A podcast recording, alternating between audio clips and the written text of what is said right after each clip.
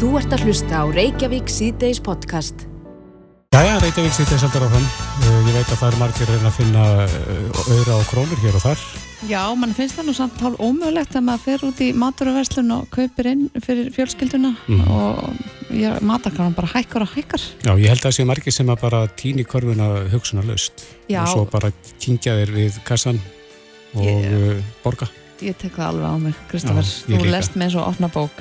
En uh, þess vegna fannst mér mjög áhugavert þegar ég sá hérna, það er undir búið að vera heldur bara í flestum fjölmiðlum í dag, vísan í YouTube-myndband sem Mhm. Katrín Björk Birgistóttir, naglafræðingur, byrti. Um, þar er hún að fara yfir viku innkaup fyrir sig og fjölskylduna. Hún á tvö lítil börn og mann og hún keifti sem sagt inn fyrir sex daga fyrir litlar 6.407 krónur í bónus Fyrir vikuna. fyrir vikuna Já. og hún er sest hérna hjá okkur, velkomin Já, takk fyrir það. Hvernig í ósköpunum fóstu að þessu? Uh, sko, ég verð að segja að þetta var bara kvöldmatar. Þetta var ekki allt sem við borðum. En þetta snýst bara allt um bara að plana þetta rétt og reyna að nýta hráefnið í sem flestar máltíðir. Og það var rauninni hugsunum bak við þetta. Að það var að geta í fyrsta lagi komið með eitthvað sem er með bara jöfnum hlutföllum af prótini og fytu og kolvetnum með, með lítil börn og, og allir í ræktinni og svona og maður maður hugsa einhvern veginn bara alltaf, ég hugsa alltaf fyrst bara um heila kjúklingin, bara hvernig geti nýtt hann sem best. Og það er mjög gott trikk fyrir alla ef það er að plana fyrir vikuna að hugsa bara fimm máltíðir. Það þarf ekki að hafa heitan mat sjöta vikunar endilega. Það er alltaf hægt að hafa havragraut, það er alltaf afgangar eða grillabrauð. Þannig að það sé ekki svona yfirþyrmandi fyrir fólk bara hugsa fimm dagar, það er bara oftast meira en nóg fyrir fólk og bara taka það þaðan. Og af þessum fimm dögum er strax hægt að fá þrjá daga úr stórum heilum kjúkling. Og þannig vann ég út frá þessu í þessari viku. Við höfðum fyrsta daginn þá vorum við með bara heilan eldaðan kjúkling svona típist íslenskt með, með hrísgrunum og sósu og salati. Og svo verkaði ég restina og margir hafa nefnt að þeirra fjölskylda myndi nú klára allan kjúklingin en það er, það leynist alveg á kjúklingunum oftast en það er alltaf hægt að reyna bara að finna sem stærsta kjúklingin ég ger það, ég reyna að taka bara stóran. Þá, þá frosin kjúkling? Já, sko, kílóverði er vanalega það sama á frostna og ferska en oftast er til starri kjúklingar í, í fristinu með hérna, í, eða í fristi kjúklingnum þannig að þá velja það. Í, í, með þetta plan þá valdi ég bara stærsta sem ég fann, það var 1750 gram og svo bara verkaði restina og hérna gemdi það fyrir næsta dag það sem voru burrito í matinn. Og e, fyrir beinin þá sauði ég þau í potti með vatni leiði þeim að matla í alveg þrjá klukktíma og það er rosalega mikið næringarnum í beinunum sem koma þá út í soðið. Og notaði það síðan fyrir kjúklinganúðlu súpu þriðadaginn og ef að þeir sem að horfa myndbandið sjá að það er ekki mjög mikið sem ég er með þarna. Þannig að þegar ég kom heim sjálf með innkaupin þá var ég alveg bara ok, mm, sex dagar skilur það er ekkert hérna. En ef að það er plan og líka bara þannig að sé ekki matasón maður kaupir allt og þegar það er plan þá þú, ert, þú veist þú ert að fara að nýta allt saman. Og það erfiðasta sem að breytti hjá mér við matarinköpin er maður er alltaf einhvern veginn á þessu mataplani og svo ert að reyna að léttast og svo ert að reyna að styrkja þig og þú einhvern veginn vilt kaupa bara allt en það sem að breytti öllu í hugafarinu mínu var þegar ég fattaði ég þarf ekki að eiga allt í hverju viku. Ég var svolítið mikið svona það verður að vera til zucchini, eggaldin paprika og allt grammiti ef ég skildi vilja það. En svo bara miklar þetta. Og það er alveg ótrúlegt hvað við hendum miklu. Og ég sjálf hend alveg ennþá. Það ke- kemur alveg fyrir að það er eitthvað. Þó ég reynir nú að nýta allt. Með þess að afklippunar af gulrótunum fara í póka í fristunum og svo í svo setna Já, kannski er einhverjar hlusta núna og hugsa að þetta er rosalega mikil vinna. Alls konar planleggingar og sjóða bein og ég nennis ekki. Sko þetta venst en jújú, jú, stundum er, er þetta alveg smá yfirþyrmandi. En eins og í myndbandinu þá sjá allir að fyrsta kvöldi var stærsta kvöldið. Og það er í rauninni, ég held að flestir verki nú kjúkling, þeir eru búin með kjúklingin til að, þú veist, ég held að fá- fáir hendi bara restinni og svo eina sem ég veist að gera við beinum var bara henda þeim í pott með vatni og leiða maður malli þrjá tíma. Mm sikta svo að búi Ertu með eitthvað fleiri dæmi, svona fyrir þetta kjúklingin, hvað er hægt að nýta annað svona gjörnýta? Já, það er um, sko ég vola mikið að vinna með hakk og það er alveg mismundi hvað hakk fólk vil, það er allir með sína skoðanir á hakki, þú veist, það verður að vera nauta hakk eða ungnauta hakk verður að vera en það er alltaf hægt að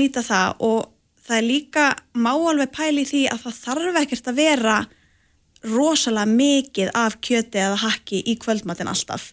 Það má alveg taka 600 gramma pakka af hakki, eldan allan, taka kannski 40% til hliðar fyrir næsta dag í burrito eða í pítur, það þarf ekki mikið í pítur og setja hitt út í veist, það, það er örlingin að fara að taka eftir og ef við erum að fá nóga prótein bara yfir daginn úr öllu sem við erum að borða að þá þarf ekkert alltaf að vera alveg bara tveir kjúklingar í matinn, þú veist, það má alveg smá skamta, sérstaklega fyrir þá sem að er að reyna að spara og er að reyna að passa upp á peningana sína.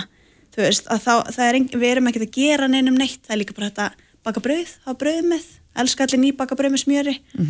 Og það eru svona alls konar leiðir. Þú veist þess að drýja mat Já, bara aðeins, bara svona nota þetta eins og fólk gerði í gamla þetta, þarf ekkert að vera þetta, við erum ekkert að pína neitt sko. það, er, það er allir að fá nóg að borða og, og svo kemur alveg fyrir að strákarnir mínu borða allan kjúklingin og þá kannski er bara svarta bönir í burrítónu næsta dag. Ertu að gera þetta sérst reglulega? Ertu, ertu hverju viku að búa til plan? Já, ég ger þetta alltaf. Og við erum að fara með það eru margir sem að spurðu mig að þessu hvað við erum að fara með í mánaðlega í allt. Við erum sem sagt hérna, ég og maðurinn minn búum til hátíðismat heima fyrir vinnuna en strákarnir 6 og 8 ára eru í mat í skólanum. Og eins og margir vita 6 og 8 ára strákar borða endalaust. Við stoppa ekki þar til ég fara að sofa. En við erum að fara með 20 skalla viku. Ég fer einu sinni í viku. Þannig að þetta er 80.000 mánu í allt. Ég er ekki, ég kaupi morgunkotn ég kaupi Pepsi Max og ég kaupi Amino og nammi og snakk og allt þetta. En eins og ég segi það þarf að muna þetta með eiga allt.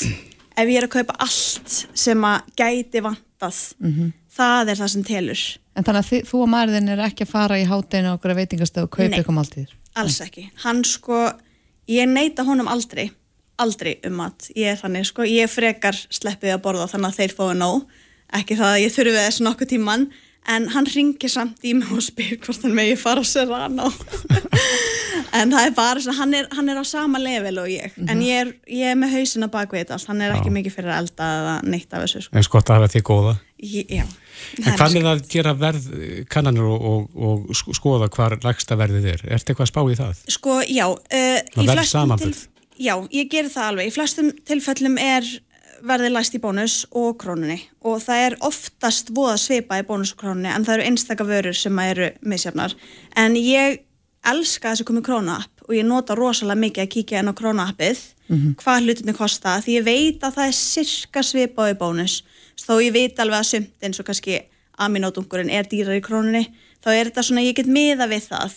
Og ég nota rosalega mikið og fólk horfir oft framhjá er senasti sens ég nota það rosalega mikið og það sem ég get bætt við þennan 80 skall á, á mánuði sem við erum að fara með svona cirka, þetta gæti að hækka eins og núna er allt orðið smá erfiðara er að pluss mínus 20 skall fer í senasta sens og það er þegar ég skrepp inn í einhverju búð bara til að tjekka og það er oftast Krónan eða Æsland þeir eru með rosa góða díla oftast. Mm. og ég lendi á að það eru þrjú oststykki stóra 50% afslætti. Já, eitthvað sem er að renna út. sem er að renna út. Og maður lærir inn á hvað er í lægi að kaupa. Ég kaupa ekki fisk á 50% afslætti.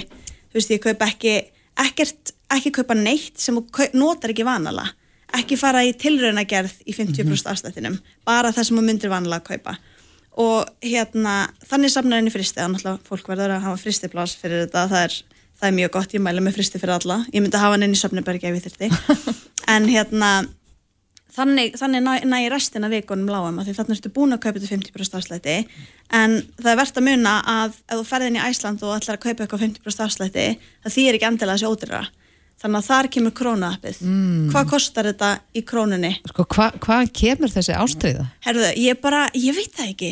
Ég, ég liggi yfir YouTube myndböndum á kvöldin og horfi á svona extreme budget challenges og allt þetta. Og mér finnst þetta svo gaman en ástæðan fyrir ég setti þetta vídeo inn er að það er svo að fer svo í töðunar að mér að við getum ekki fyllt þessu hérna á Íslandi að því fyrsta læri verðin ekki fara að vera eins og það er fullt af þessum vörum sem þau nota sem við erum bara ekki með í bóði eins og þegar ég horfði á eitt vídeo og hún kefti 5 kíló af kjúklingalegjum fyrir 600 kall. Ég var bara nei, það er ekki bara að gerast hérna. En ég get ekki fyllt þessu þannig að mér langaði bara svo mikið og ég var að vona, vonast akkurat eftir þessu að þetta myndi ná til fólks á Íslandi. Ég var ekki búast við því en mér langaði svo bara að fólk sjá að það er alveg hægt að gera þetta. Og þetta þarf ekkert að vera alltaf. Það þarf ekkert að leggjast yfir þetta og, en þú veist, einu, einu, einu veik í mánuði. Takk ég þetta eina viku í mánuði og það, þetta það munar um þetta. Og þá getið ég fara út að borða sem skupið En fólk getur fundið á YouTube eða ekki? Hva, Jú, Hvað heitir Herðu, ég heiti? Kate Víum Kate Víum. Já, Þú ert sko með 107.000 áskrifundur. já Það er Víum tvöfald af E-E-U-M Já. og það er ætti nafni á kallinu mínum Einmitt. Og e, fólk finnur þau þar. Er, er, maður hefur ekki heyrti marga sinnir á YouTube. Er, er, Nei, er það vinsælt ennþá? já, það verðist verið, ég held að sé bara það er kannski ekkert hérna, margir íslendingar sem að ná að fara yfir í að fá eitthvað greitt fyrir þetta Nei. Þú að ná því? Já, ég er nýbyrjuð að fá það fyrir þetta eina svakalega vinsala vídeo hjá mér En talar þú á ennsku Ég í tala ensku á myndbandan? vídeóinu, já. Þannig að það stækkar aðeins markaðin. Já, 100% Ég, ég efast um að fólk fengi greitt fyrir uh, YouTube-rás á íslensku Mm. Þú ert að tala um þetta eina svakalega vídeo sem er næstu komin upp í 50 miljónir í áhor. Mm Hvað myndband er það? Herðu, það er, ég er komin áttu vikur að leið með, með yngri stráki minn og ég er með svona heima hjartslátt Já, Ég, veit ekki ekkur þetta sprakk svona en var slegið í gegn. já, það verðist vera. Já, mér sýnist líka nýja myndbandið þitt um hvernig er hægt að kaupa í matinn fyrir, já, tæplega 6.500 krónur viku, vera líka að slá í gegn. Já, ekki. Við segjum bara áfram, þú haldi áfram að koma svona góð ráð fyrir okkur, Katrín Björk Birgisdóttir, naglafræðingur og youtuber. Yes. Takk fyrir spjallið, góð helgi. Takk fyrir, bye. Þú ert að hlusta á Reykjavík C-Days podcast. Já, við höldum áfram í Reykjavík síðdeis og ætlið að liggja ekki einna þingst á landsmönnum ástandið í efnagsmálum. Það er tveggjast af verðbólka Já. og stýrivextir væntanlega að fara að hækka. Mm Mhm. Sumir spáðu því að þeir hækki um 1% Já, sem er þá hvað 12 hækkunin í röð, eitthvað svo leiðis. já. Og ég veit að margir er að veltaði fyrir svo sérstaklega þeir sem eru með verð, óverðri lán með föstum vöxtum. Mm Að það fer að draga til tíðenda hjá þessu fólki, núna fljótlega. Og uh, það má búast við því að greiðslubyrðin af þeim lánum komið til með að hækka töluvert. Einmitt, hann er sesturinn í hákur, Björn Bergunarsson, dildastjóri greiningar og fræðsli í Íslandsbanka. Velkomin. Takk fyrir það. Við heyrum mikið um þennan skell þegar að föstu vextirnir losna. Eh, En hvað þýðir þetta nákvæmlega þegar þeir losna? Hva, hvað gerist? Er þá sko öll vaksta hækkun bombast hún bara inn í einum rikk? Þú hefur eitthvað ákveði andrýmið þarna til þess að velja hvað þú gerir. Þetta er köllu vaksta endurskoðun og uh, það verið sem svo að þetta svona muni að stæsti skamturinn að muni losna á síðar hluta ásins 2024 uh, fram að síðar hluta 2025. Þetta er svona þetta tímabil þeir tólmánir sem að vega mjög þungt þarna.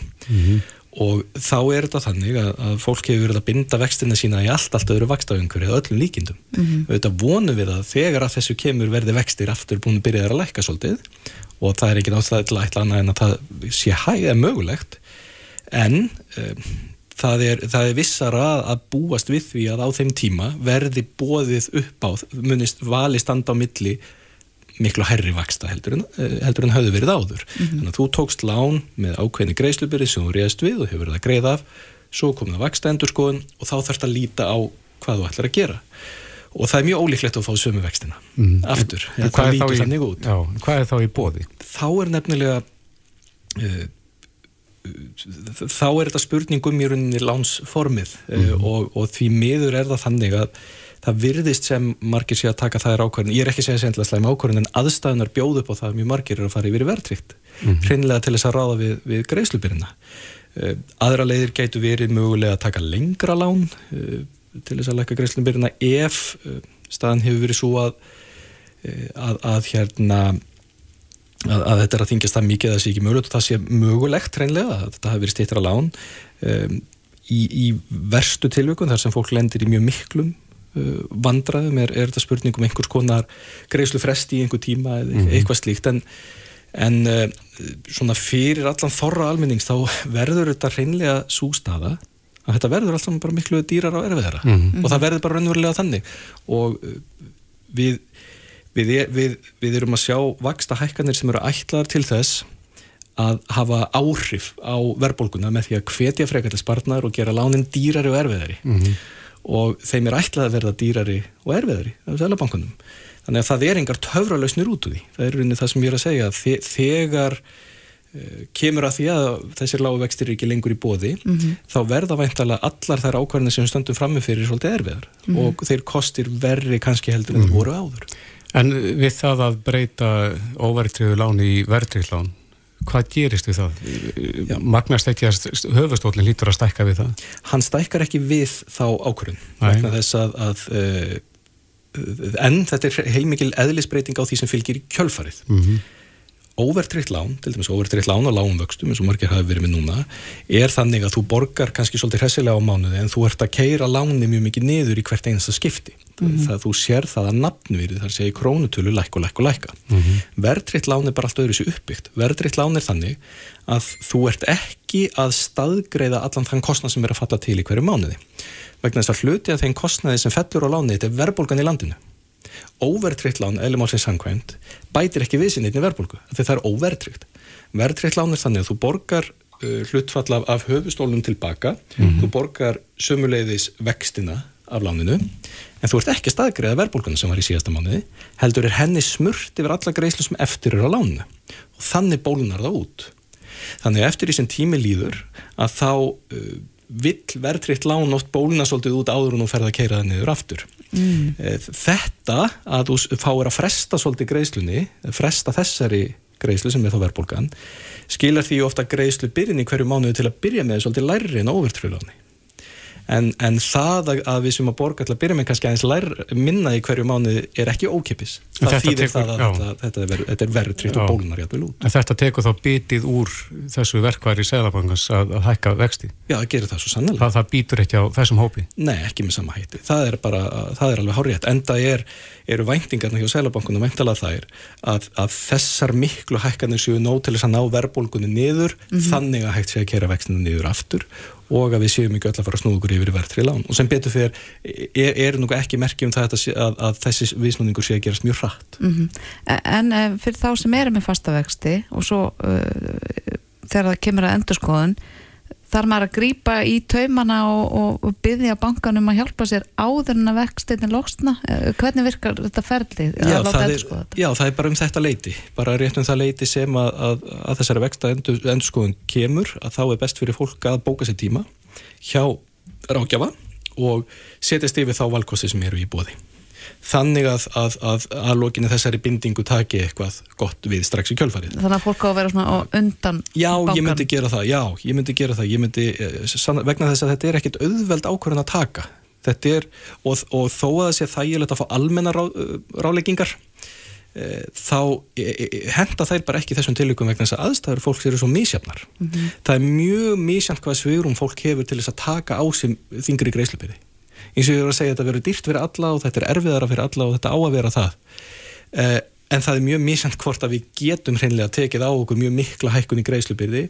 Ef fólk eh, getur það við sveirum í það, þá getur vel verið að það kjósa að vera áfram með sam, sambarlegt lán. Ég vil bara festa vextina aftur. Ég, það getur svo sem alveg vel verið. Ef það er hreinlega ekki valkostur ef fólk stendur frammi fyrir því að ef það ætlar að halda áfram með sama láni sitt þá bara gangi heimilisfjármálin ekki upp þá verður maður að grípa einhvern veginn inn í. Einlegin er að á þeim tímapunkti sé hægt að, að, að breyta yfir í eitthvað annar lánaform sem að sem er þá uh, býður upp á læri greiðslubyrði að minnstu kosti til að byrja með eða þá hitt að ef við höfum ennþá einhver tíma í þetta er einhver leið til þess að búa til pínlítið svirum til þess að geta uh, greitt fyrir þess að hafa greiðslubyrði þegar þar að kemur. Það er hins vegar ekkert grín að segja það núna þegar að verðbólga er þetta mikil og, og, og flesti hlustendur eru vantilega að finna fyrir því að það hefur minna milli handana hver mánuðamót En en ef það kemur til að fresta fresta, fresta greiðslum um, hvað er mikið svigrum til þess? Hvað er að tala um langan tíma sem fólk geti fengið að fresta greiðslum á svona afbúrunum? Nú, eh, nú man ég ekki nákvæmlega hvort að sé það sama hjá öllum lánastofnunum en, en þetta er nú svona þetta eru einhverju mánuðir sem að bóðir upp á. Þetta eru auðvitað alltaf neyðarástöfun Mm uh, nema í til dæmis tilvíkum það sem að, að stundum hefur verið bóðið upp á svona lagið ef að fólk verið í fæðingarólof eða tekjulöst í einhver tíma. En, en ef að þú ert að hugsa um greiðslufrest vegna þess að þú ræður ekki við afborganir þá verður að reikna með því að innan einhver tiltekist tíma verður þú komið með þannig tekjur og þú muni geta að halda áfram að greiða lánu vegna þess að ekkert af þessu er gefins, þú ert bara að fresta vandamálinu. En ef vandin er slíkur að þú sér fram á það að lokinni þessari fristingu munir heldur ekki geta borgað þá þarf þetta að grípa inn í strax, þá skal þetta ekki grípa inn í þá af því það verður alltaf dýrara. Mm -hmm. og grípa inn í með því að ræða þá þennan alvarlega skulda vanda við bankaðin eða við, við, við, við eh, umbósmannskuldara eða aðra það er alltaf, alltaf versti kosturinn að ætla að takast á við svona eftir að allt er, er, er, er lengt á vegg mm -hmm. mm -hmm. En hvenar er þessi tímapunktar þegar vegsteinni losna? Þeir eru þá uh, yfirleitt svona þremur, fimm eða sjö árum eftir lántökuna mm -hmm. á mhm. sínum tíma, það er mjög algengt að fólk hafi til dæmis verið að festa þessa vexti til fimm ára og þá, þá er þetta bara eftir, akkurat þetta er bara almanækinu uh, fimm árum eftir mm -hmm. að fyrsta lánið var, var tekið og eins og ég segi þá er þetta svona eitt og hálft ár í það að við sjáum langstæstan kúfa þessu byrja mm -hmm. En það er eitthvað, eitthvað að losna í lók þess ás? Já, já, já. Það, það er alltaf eitthvað að losna og það er núna svona aðeins að, að tjekkast upp og, og aukast. Þetta er ekki verulegar fjárhæðir, þetta er verulegu fjöldi lána, ekki miða við það sem verður 2024 og 2005. Mm -hmm. Það er eitt og hálft ár og þess vegna er þetta ákveðin tímapressa á til dæmis Sælubankunum og, og bara okkur öllum að ná einhvern veginn að koma niður verbulgunni innan þess tíma þannig að fólk þurfi ekki að standa frammi fyrir þeirri stöðu að, að eh, það verði heiminháðu vextir á einhverju framlegging og lánum. Ertu bjart síðan á að það gerist? Ég er mjög bjart síðan á að verði hægt að gera. Það sem er hins vegar mjög neikvægt og leðilegt að sjá er það að, að e, þetta er svona í öllum löndum í kringum okkur. Verðbólgan er orðin alveg hreint skelvilegi í löndum sem bara þekk ekki verðbólgu, hafi ekki upplifað hana í tíu ára og við erum að hluta til að flytja inn þá verðbólgu. Núna er verðbólgan okkar nokkur svona bland í póka mm. það er ekki einhver eitt sögutólku það hún kemur öllum mögulegum áttum. Eh, en eitt sem við ættum að muna því við heyrum oft í umræðinni að það er verið að bera saman verðbólguna og svo er verið að bera saman vakstartöluna þá er verið að bera saman ólík tímabil. Vegna þess að þegar við heyrum heyrðu, það er 6% vextir en það er 10% verðbólga þá ertu að segja að það eru 6% vextir hérna í frá en það var 10% verðbólga síðustu 12 mánuði. Þetta er ekki sambærilegt. Eh, verðbólgutalan sem við heyrum núna 10,2% hún endur speklar það að á síðustu 12 mánuðum hafi meðal innkaupakarfa Íslandings hækkað um 10,2% í verði. Til þess að verðbólga veri áfram 10,2% þá þurfa þess að suma hækkanar að halda áfram. Mm -hmm. Og það eru vissulega einhverjar hækkanir sem að, að líta út fyrir að ætla að halda áfram og gætu að halda áfram eins og þetta eh, influtta vöruverð eins og, og launakostnaður og slíkt. En húsnæðismarkaðurinn er, er byrjuð að kólnatalsvert, krónan er verið að styrkjast talsvert í dag og í gæri og svona vonandi að, að, að, að e, læka svolítið verða á, á innflutningi það eru ákveðin svona, það, á, það glittir í einn og einn sólageisla svona í þessu mm -hmm. sem styrkjur okkur allavega ykkurinn í Íslandsbanka í trúnu um það að nú fari að draga svolítið úr verðbólgunni, hún fari ekki að hærra en þetta en óvissan og áhættan er sannlega til staðar mm. og við ættum ekki að veðja öllum okkar heimilisfjármálum á það að, að innan skams tíma verðum við hér aftur bara komin í lága verbulgu og, og lága vexti þó Nei, það væri hafa varana hver eru hlutvöldin að milli verðtriðra, lána og overtriða? Overtriði lán í dag eru, eru svona nokkuð ríflega helmingurinn. Uh, gott að þau er ekki, nú er ég ekki alveg með það í kollinu en hvort það eru í kringu 60% 55-60 mm. getur verið að það sé einhver, einhver hæfræðingur öskrandi. En nei, í nýjum lánum uh, þekk ég bara ekki því miður, ég, ég nú geta flett í upp en, en, en uh, það hefur aðeins verið að snúast. Það er að segja að af nýjum lánum að þá er meira um það að fólk sé að taka verðri lánum það hafði verið að gera sem er bara skiljalegt út af út af, uh, út af, út af hérna, vöxtunum og hvað þeir eru búin að hækka mikið og greiðsluberinni Eh, en við erum ennþá með nokkuð blandað. Og það eru auðvitað eitt af því líka sem að er valkostur fyrir fólk sem kannski gleymist allt og oft. Að þegar við tökum overtrilán þá er áhættan akkurat þessi sem eru raungerast núna. Það er að segja að greiðslubyrjum getur verið svo háið verið á mikið við hana. Þegar við erum með verðtrilán þá er áhættan svo að verðbólgan muni hækka eftirstöðunar á lónunum svo mikið að það fennist út og get upp höfustólunu lónu mm -hmm. það er hægt að fara milliveg með því að blanda lónum það er hægt að taka lán sem er kannski hálft verðtrygt, hálft overtrygt uh, það er þá með hærru greiðslubyrði kannski á mánu en verðtriðalánið en það er ekki að fullu verðtriðt mm -hmm. uh, við kannski ráðum ekki alveg við að vera með 100% verðtriðt lán en þannig náum við kannski aðeins að keira greiðslubyrðina. Það er hægt að fara einhverjar svona leiðir ef fólki hugnast það vel en svo, en svo ég endur taki þá ítrykki ekki, það er ekki hægt að ráleggja það sama fyrir alla.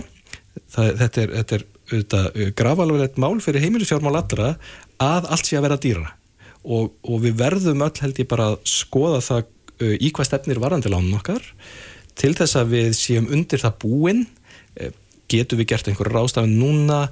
Hvað gerum við þegar það að kemur? Það er svo ferlegt að þurfa að díla við svona á síðustu stundu mm -hmm. og sjá fram á það að vera kannski komin í, í fjárraksvandra sem mögulega hefði verið hægt að dempa með einhverjum hætti. Já, þetta er náttúrulega samtal sem flestir bara forðast en þetta já, er bara já, mjög góð bríning að setjast niður og fara yfir þetta og, og kannski bara með eitthvað gott að borða og svona. Hmm, já, Helgar spjallið. já. Já, Björn Berg Gunnarsson, deildastjóri greiningar og fræslu hjá Íslandsbóka. Kæra þakki fyrir að setjast niður með okkur og fara hans yfir þetta og góða helgi. Góða helgi. Þetta er Reykjavík C-Days podcast. En uh, hún er sestirni hjá okkur ástildur Lóa Þórstóttir, þinkona Flokks Fólksins. Velkomin. Takk fyrir. Við lesum um það í fréttum í dag að þú ert að fara í mál við síslumannin á höfbrukarsvæðin eða þú og, og einmaður þinn. Já. Um, getur þú svona sagt okkur í grunninn um hvað þetta mál fjallar allt saman? Já, þetta sem sagt, uh, já þá nú er ekki hægt að segja að það byrji með því en eftir langa baráttu þá var húsi okkar sem sagt bóðið upp í april 2017 og uh, við þurftum reynda að fara í málaferðli út af því af því að það var vittlust framkvæmt uppbóð og annað þannig að það leið fram, á, fram í desember þá fengum við útlutun svo kallaða frá síslumanni um hvernig kaupverði er skipt á milli okkar og Arjón banka og þar reyndar kom það bara í ljós að við ættum ekki að fá neitt.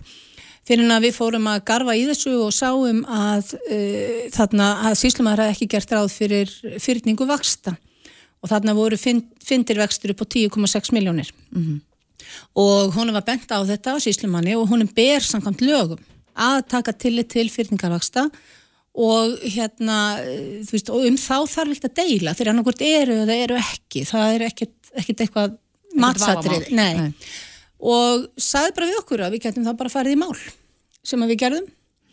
Og uh, við sagt, stóðum í reyni máluferðlum í tvö ár frá þarna janúar, februar 2018 og alveg fram í desember 2019 Við byrjum að fara í hérastóm og við erum unnum þar en það var bara á raungum forsendum. Þannig að þú veist hann dæmdi okkur 18 miljónir sem var á mikið þannig að eðlilega þá svo sem áfríðaði Arján banki því og þá er þetta komið í landsrétt og landsréttur bara vísaði kærunni brott. Hann eiginlega sagði bara, hann sagði bara að málsástæðan fyndir vextir kom fram of seint og hendt henni út. Og þetta var eina málsástæðan frá upphafi þannig að þetta er bara með ólíkindum að landsréttur hafi gert þetta í rauninni bara, þetta er bara ránkværsla og hleinlega lígi og síðan þá hérna sóttum við með áfrínarlefi til hæstaréttar og hæstaréttur taldi það fyrir, já, ekki, ekki ómaksins verðt fyrir sig að, að hérna þetta væri semst of lítið litlir hagsmunir, 10,6 miljónir þannig að hann bara saði neittak, við ætlum ekki að taka á þessu.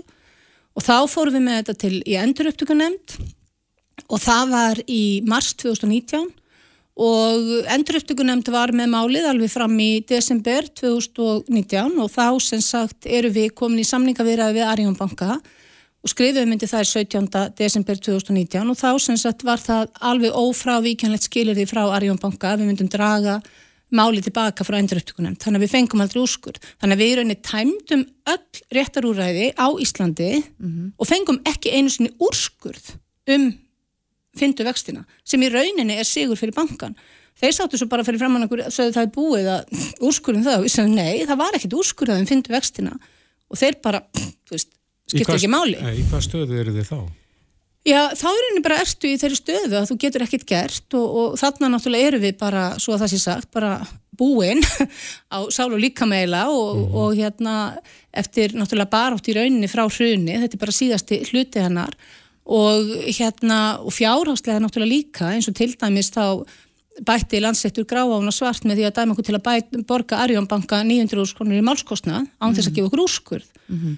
og hérna svo leiðis að hérna við bara í rauninni bara skriðum hún í hólu svo má segja og bara sleiktum sáran og reyndum að jafna okkur og svona og svo náttúrulega kemur COVID og, og allt þetta og, og hérna við erum það er í rauninni bara fyrst núna sem við bara getum einu svona íhugað þetta bara út frá fjárhásleiri stöðu að fara í mála því að það er bara mjög dýrt. En, en að við ekkert íhugað bara að, að sleppa því, bara, við ætlum bara að glemja þessu. Ég, ég menna það er alveg þetta íhugað það en við náttúrulega erum búin að vera í þessari baróttu alveg svakalega lengi og uh, þetta er bara, ég bara komst það í nýðustu að ég myndi alltaf sjá eftir því að við myndi ekki láta á þetta reyna vegna þess að þannig var bara brotið mjög gróflega á okkur og eh, svo verð ég bara allir bara viðkynna það að þegar við fórum í gegnum þetta á sínum tíma þá var ég kennari og ég skrifaði helling um þetta, ég meira að segja hérna, já, bara fjall, ég fjallaði mitt í greinum og annað, hlaut litla aðtikli og uh, nú er ég þingmaður og nú er þetta vekja smá aðtikli mm. og mér, ég vil vekja aðtikli á því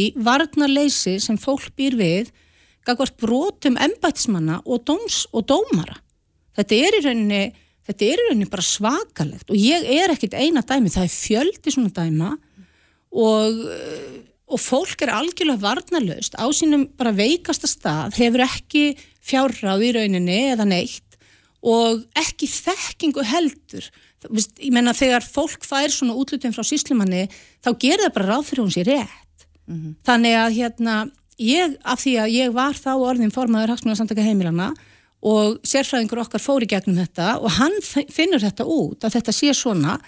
Og þrátt fyrir að við berjumst eins og við gerum þá fáum við þetta samt ekki viðkjönd og ekki gegnum allt ómskerfið þannig að þið getur ímyndað ykkur ef þið eru með fólk sem að veit ekki betur sem að flestir og flestir eru í þeirri stöðu. Mm -hmm. þannig að hérna brotin sem að við hins vegar vitum um eins og í hagsmunarsamtökunum þau eru ótrúlega mörg Þannig að ég vil vekja aðtikli á því hvernig staðan er og hvernig er verið að brjóta fólki og ég en, bara vil ekki sjá nettlandi í þessu aftur. En er það þá, fólk likur náttúrulega vel við höggi, eins og þú segir, þú ert andlega búinn, þú ætti ekki pening, Nei.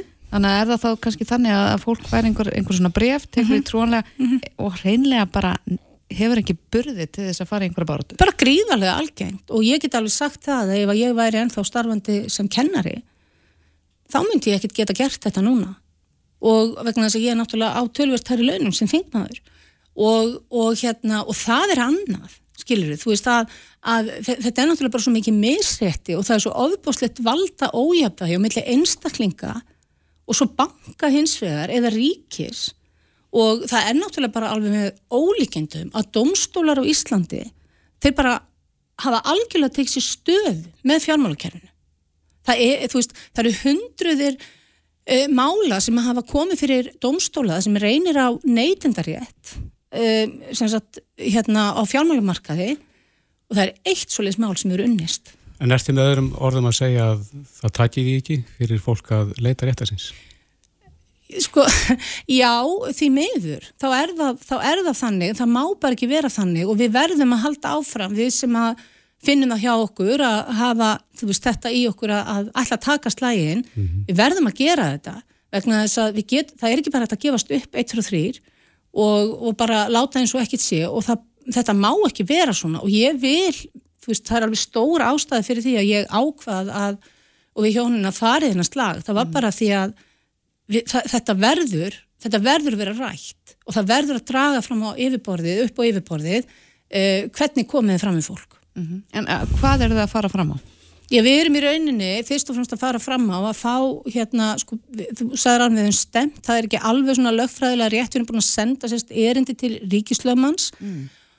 og ríkislöfmaður hann tekur bara flatt þú veist, útrekningin sem er 10,6 miljónir skað okkar er náttúrulega miklu, miklu meiri vegna þess að sko vegna þess að hérna og það er annað sem að verður hans að horfa á, ríki brítur svona gegn fólki, lætur það berjast við hann á rétti sínum og ekkert gerist. Og svo kemur bara ef að við fáum þetta samþygt að þá fæ ég nákvæmlega það sem tekið var að mér.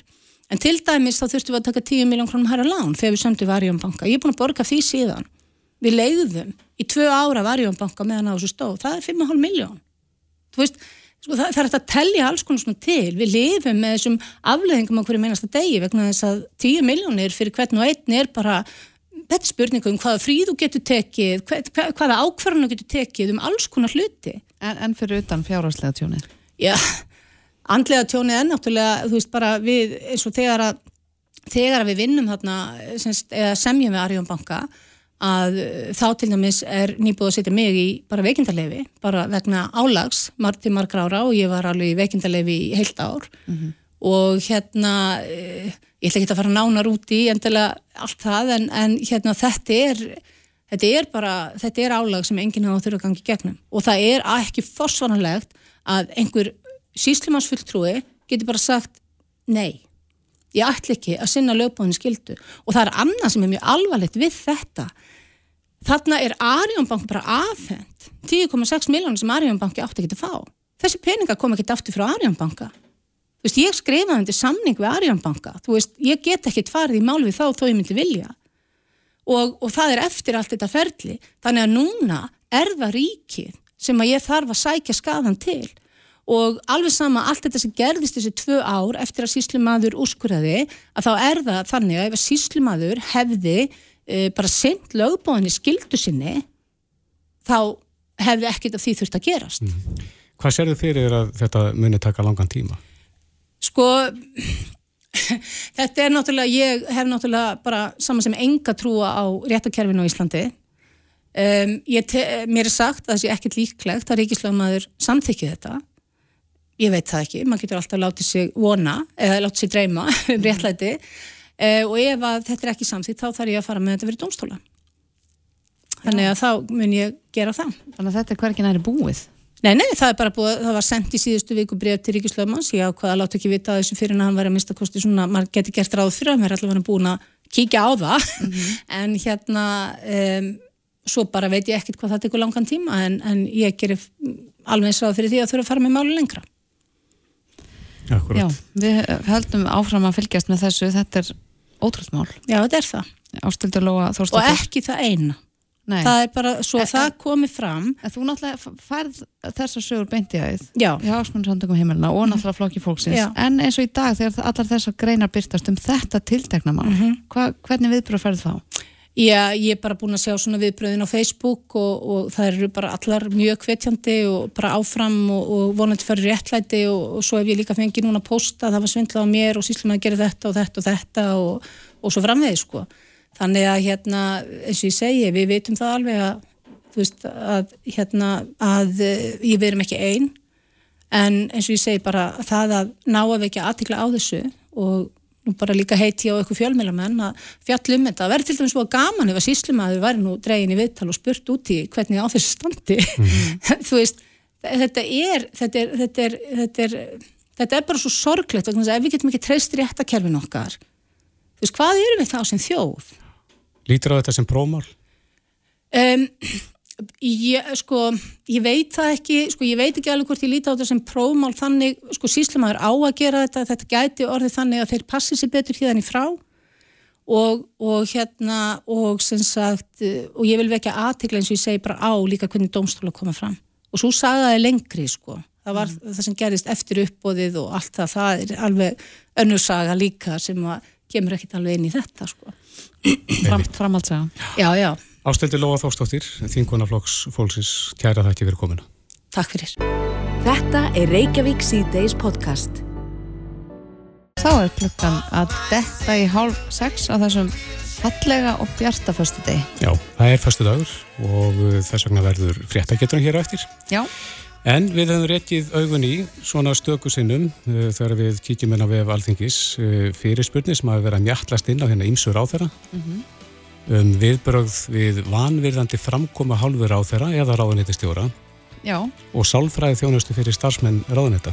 Emmitt og manneskjan sem verist að vera óþrjótandi í þessum fyrirspörnum, Helga Vala Helgadóttir, þingona samfélkingarnar, er sest hér. Velkomin. Takk fyrir. Við eh, vorum svona veltaði fyrir á gráðan sko upp úr hverju spretta þessar fyrirspörnir? Já, við hérna, það er, uh, þingmenn eru svo uh, hefnir að að fá alls konar ábendingar mm -hmm. utan úr bæ mm -hmm.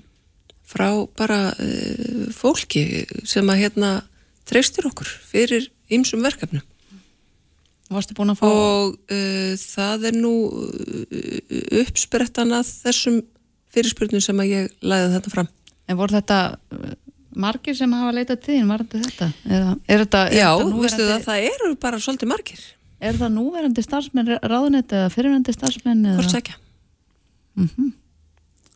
En þú sendir, er það ekki á allt stóðið? Já, eða sko þetta, þetta byrjar þannig að hérna ég sendi á fórsættisráð þeirra uh, og, og byð hana um að svara fyrir hönd stjórnaráðsins Mhm. og þá er stjórnaráðið ekki hérna hvita húsið nýri við lækjagötu heldur stjórnaráðið er þetta þessi yfirbygging yfir öll ráðunetti á Íslandi. Og ástæðan fyrir því ég sendi þetta þeirra hún er auðvitað leiðtöður ríkistjórnarinnar en það er líka af því að ég er raunin að byggja hana um að taka þessar upplýsingar saman.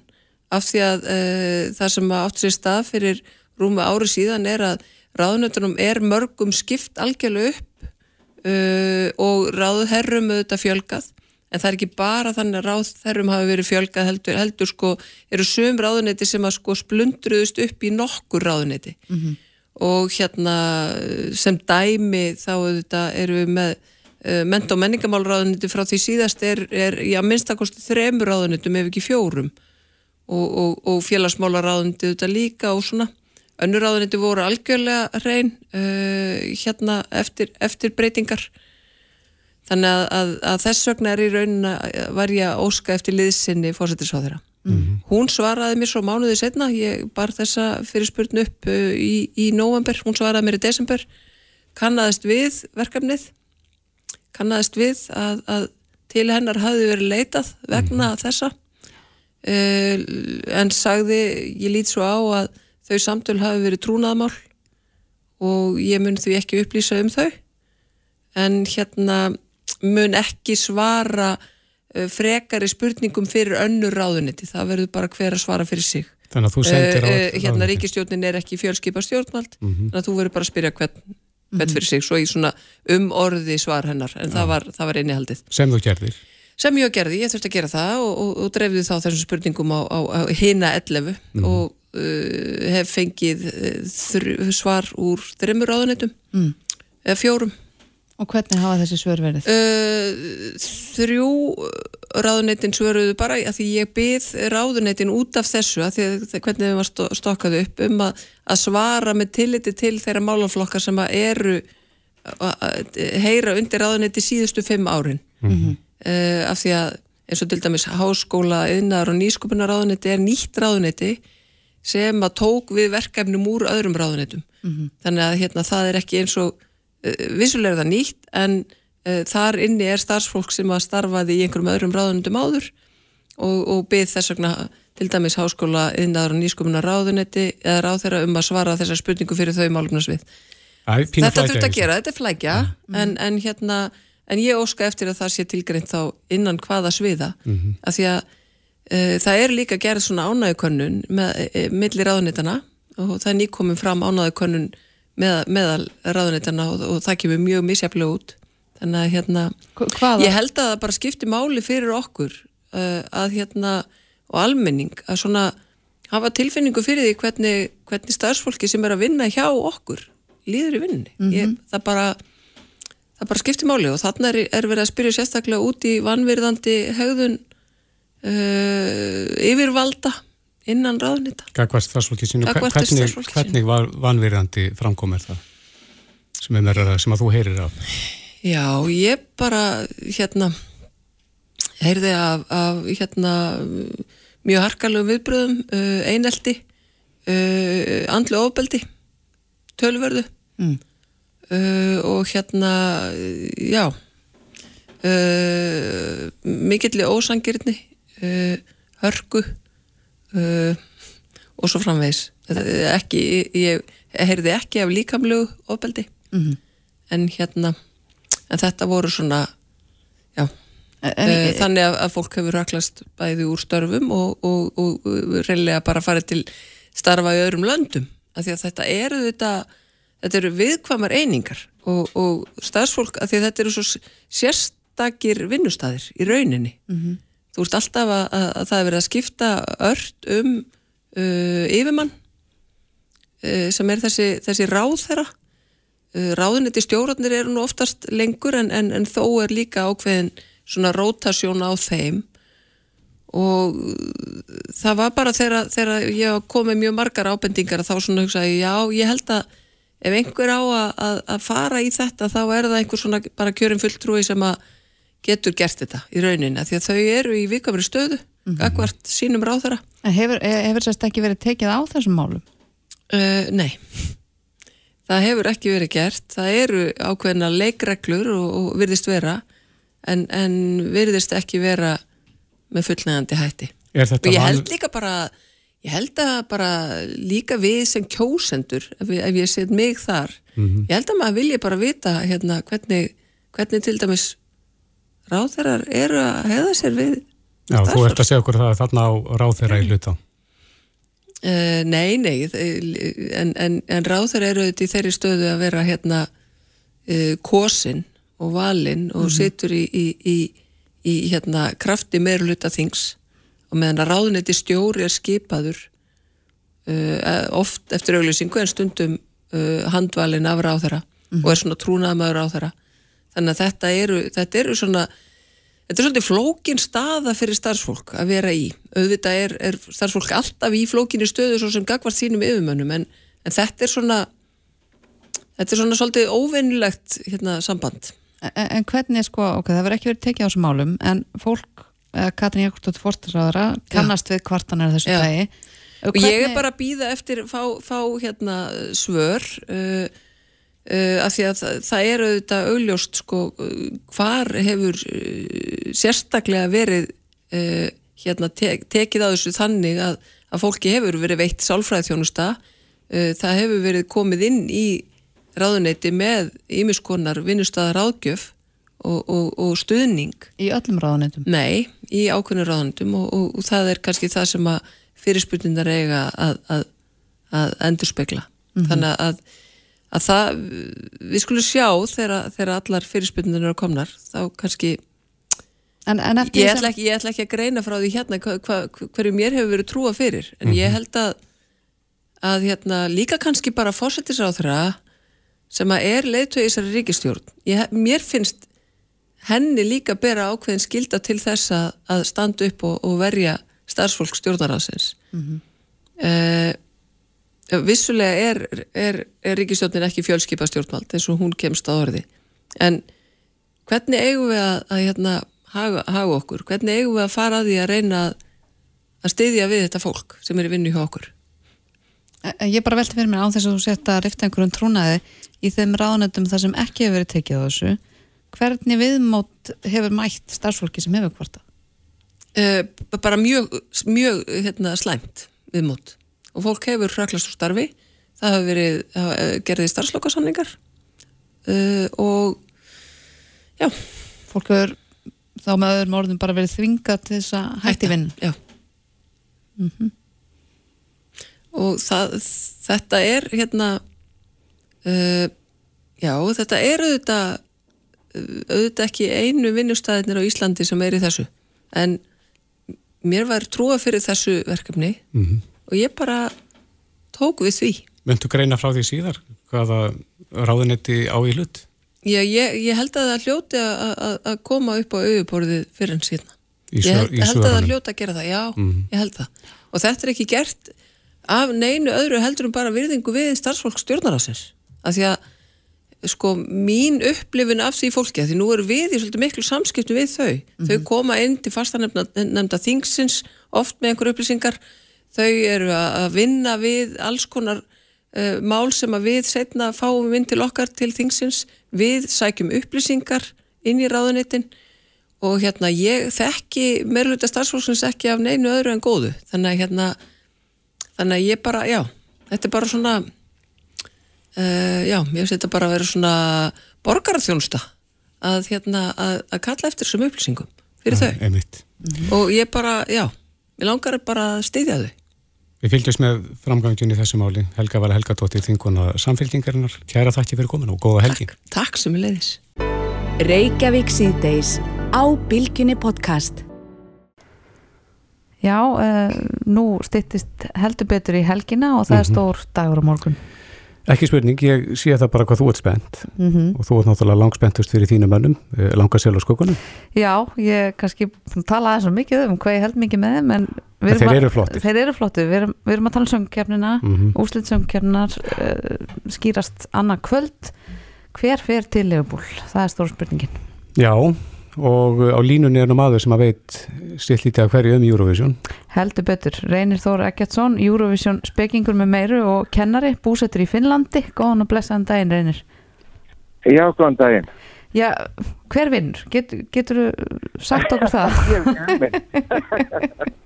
ok, hver er svona líklegast? Sko, ég held að lí, mesta líkund að sé á Dilja og Langarsela. Ég held það er svona það sem er heyrist í kringum mig. Að það verði atriðin sem að keppa til úslita? Já, það er náttúrulega, maður veit ekki hvað einhver fáramanna dónun gerir. Nei. Hún getur náttúrulega dreigið lag upp í úr einvigi sem þeim finnst æðislegt Mm -hmm. og dreigið þá annað atriði niður sem er í topp 2 í símakostningunni þannig að, þannig að það getur svo sem gerst Mm -hmm. Já, það og virðist ég held að ef að það, ef að það er þá held ég að það er helst sjálfs sískinu mm, sem domnendin geti ítt upp. Það virðist vera sko eins og allt geti gerst annarkvöld. Já, ég held þetta er mjög opið, þetta er óvennilega opið í ár finnst mér. Mm það er svona helst að mér finnist allavega að Bræi hafa, hafa kannski afgerandi minnsta möguleika. Mm, að hann skor ekki hátt. ég held að það sem mjög hæpið að hann komist í einvíðis Mm En Langiseli Já, og skuggarnir, þeir, þeir stjera sér svolítið úr í þessum hópi í kvöld. þeir, þeir gera það, þeir skera sig úr bæði náttúrulega lægið alltaf öðruvísi heldur en, heldur en uh, dagotónlist í dag. Mm og uh, var það reyndar á sínum tíma líka þegar þeir áttu sína smelli þarna á mínum ólísárum, Mhm. þannig að þá skáru þeir sér líka úr. Þannig að, þannig að þeir eru vanir því að vera öðruvísi. Og, en það sem náttúrulega er að þeir eru bara svo rosalega góðir og sterkir flytjendur -hmm. að það ítir þeim mjög ofarlega hjá fólki sem er að hlusta eftir góðum söng og góður í sviðsframkombi. Já, emmitt. En, en sko þá kannski stóra spurningin um, það, fer einhver áfram allarleið til Liverpool annarkvöld. Já, Eigum við einhvern sjens í Liverpool? það er spurning. Sko, við vorum eitthvað að skoða þetta, ég og félagi minni gær og, og það er svona með við riðirinn okkar, þá væri kannski langisili og skuggarnir væri þeir svona mest öðruvísi atriði Mm. að hinlaugin færu kannski bara í beina samkeppni við mjög svipuð atriði og kannski myndi ekki, ekki hafa sigur í, í þeirri baróttu sko. Þannig að það myndi hjálpa að vera með atriði sem að stjera sér úr eins og atriði Langaseli. Já, og sem, já, og sem er ekki sem er ekki beinlíni sko grínatriði eða neitt svoleiðis Mhm. þetta er bara flutt af alvöru Mm Ok, og segjum svo svo að við kemumst allar leið í, í aðalkeppnina um, erum við að fara þurfum við að sætta okkur við svona svipan árangur og, og fyrir ár við erum ekki að fara að fara inn á top 10 held ég sko með neitt af þessum lögum mm. en, en ég menna við gætum alveg svona, verið á bílinu svona 16 til 20 ef, ef einhvert af lögunum fyrir áfram. Mm Erum við búin að sjá það mikið af uh, öðrum lögum sem taka þátt í keppnina? Við getum sagt að það sé svona einhver lína í þessari keppni? Nei, það er náttúrulega það er rosalega mikið finnst mér af svona það sem að kalla svona anthems svona lögum sem, sem hverfast í kringum einhvers konar svona st stórt viðlag uh, og helst svona með hérna einhvers konar uh, hvað getur maður sagt svona klassísk klassískum húker sko Mm. Mm þannig að já, mér finnst svona aldrei eins og norska atriðið eh, sem er búið að velja og ja, svona svona grand einhvern veginn, ég er erfitt með að útskýra þetta. Já, en sko eh, þinn maður í Finnlandi hann er nú að skora hans átt Já, og hann, hann er akkurat í þessum stíl, sko, hann er með þetta stóra tja-tja-tja, sko, mm Þannig að, og, er komin í annarsætti í veðböngunum sá ég síðast. Það er bara síðan sem eru fyrir ofan og, og það heng- hangið tólti á því að þeir velji Loren held ég. Já, heldur að þeir, þeir gera það? Já, ég held að það sé með mikla líkur á því en maður veit aldrei hvað gerist í, eins og í Melody Festivalin sko. það getur vel verið að bara unga kynslan vilja einhverja nýja. Mm ok, og það er náttúrulega það er svona þessi gamla svona hvað halda svona tryggði við flytjendur eða fyrirverandi sigurvegur og svoleiðis, er aldrei fyrir bí.